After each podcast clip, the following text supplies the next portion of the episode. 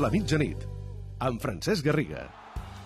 Què tal? Benvinguts. Aquí Francesc Garriga. I aquí, Laia Tudel. S'acaba el 20 de març i també la primera setmana de confinament. Com ho portes, Laia? Com ho porteu vosaltres? Uh, bé, bé, bé. Aquesta primera setmana, de moment bé.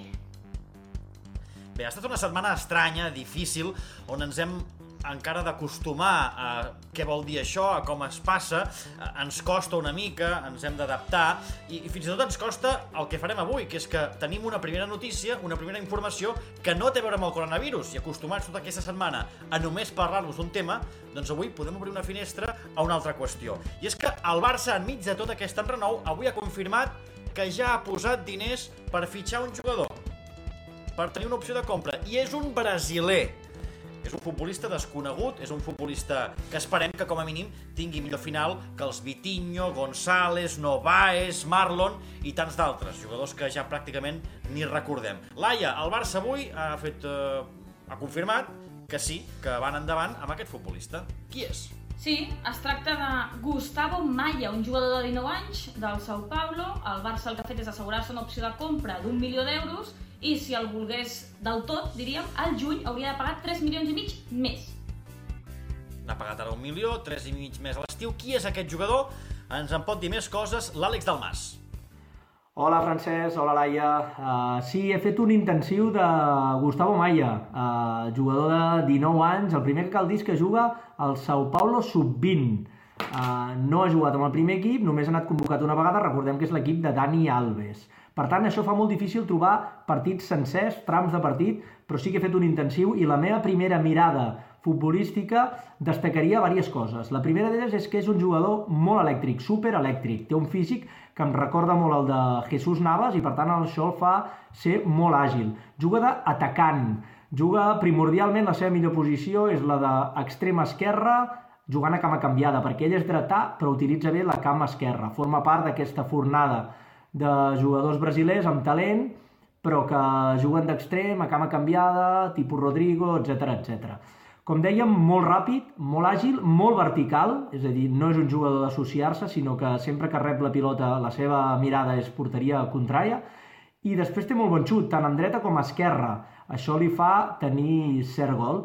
Una cosa molt important és que els regats, he observat que té sortida tant a la dreta com a l'esquerra i això fa que sigui difícil controlar-lo perquè pot sortir qualsevol dels dos costats. Tot i així, si té nivell o no per jugar al Barça és molt d'hora. Jo no m'atrevesso a dir-ho encara amb el, que, amb el que he vist, li queda molt per demostrar, però sí que és cert que té bons fonaments futbolístics.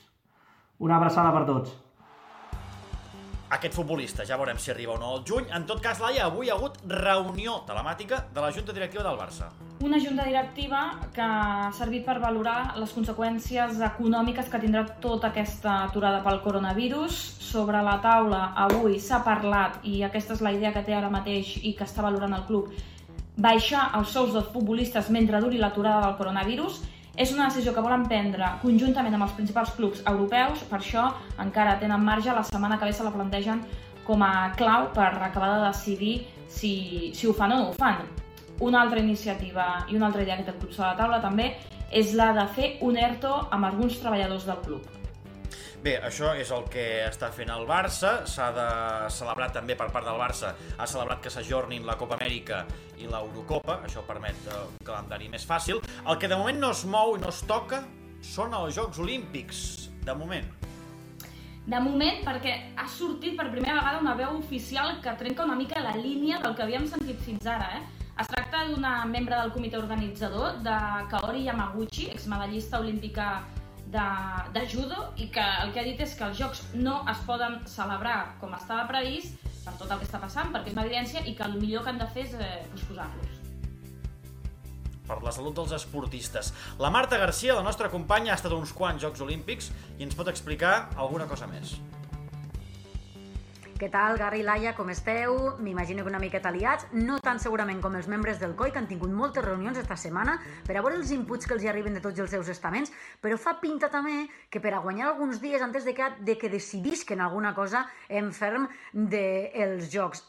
Se fa difícil pensar que començaran el 24 de juliol perquè ara mateix s'haurien d'estar disputant molts preolímpics que donen les últimes places i, clar, no s'estan podent disputar. Com que el contracte diu que s'haurien de fer dins l'any 2020, jo crec que difícilment se faran en desembre, però potser en setembre, fins i tot octubre, igual se podrien disputar i així ja dones temps a que tot això, eh, totes aquestes competicions se puguen fer i els esportistes se classifiquen. Alguns s'han queixat en els últims dies dient que, clar, sí, estan confinats i que per tant no poden entrenar-se i això és un greuge però la situació mundial és pràcticament molt pareguda en tots els jocs i ara mateix cap esportista està fent realment el pla d'entrenament que tenia de cara als Jocs de Tòquio. Per tant, jo crec que si se posposen uns mesos se podria solucionar això.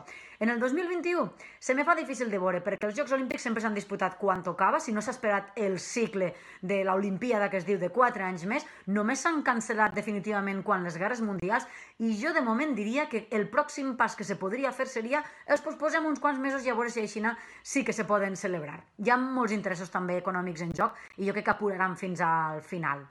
Veurem què passa. Adeu! Els Jocs Olímpics, que segur que ens tindran ben distres la setmana que ve. Per cert, una bona notícia.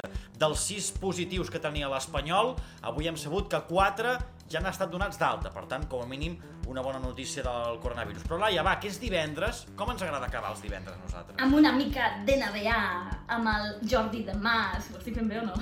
Però per què no m'ho fas una mica millor ara que estem a casa? És el Jordi de Mas, això és espectacular. No, no, no insulti. El podeu trobar a Twitter, a Facebook, al YouTube. Entreu al YouTube i trobareu un, una versió sencera de l'American Dream. Us en deixem mirar aquesta petita versió, un tastet del que trobareu a YouTube.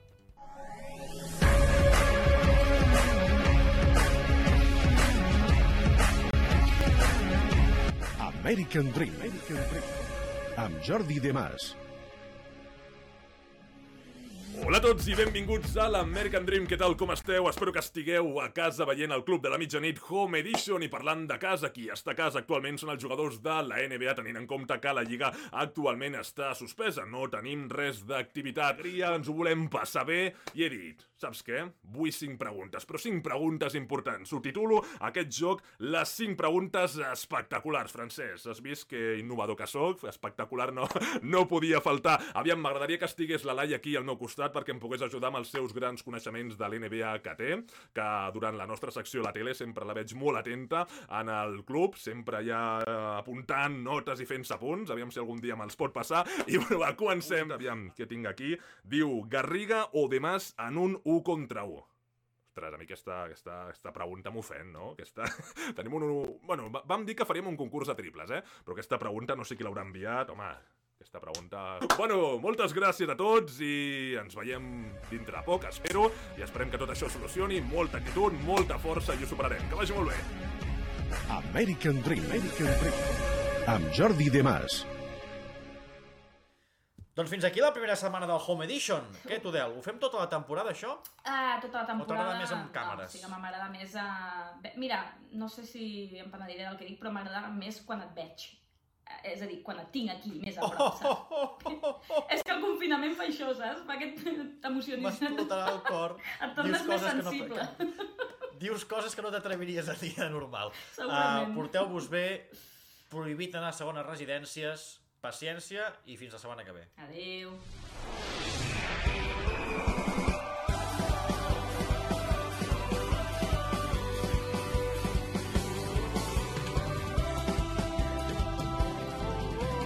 Club de la Mitjanit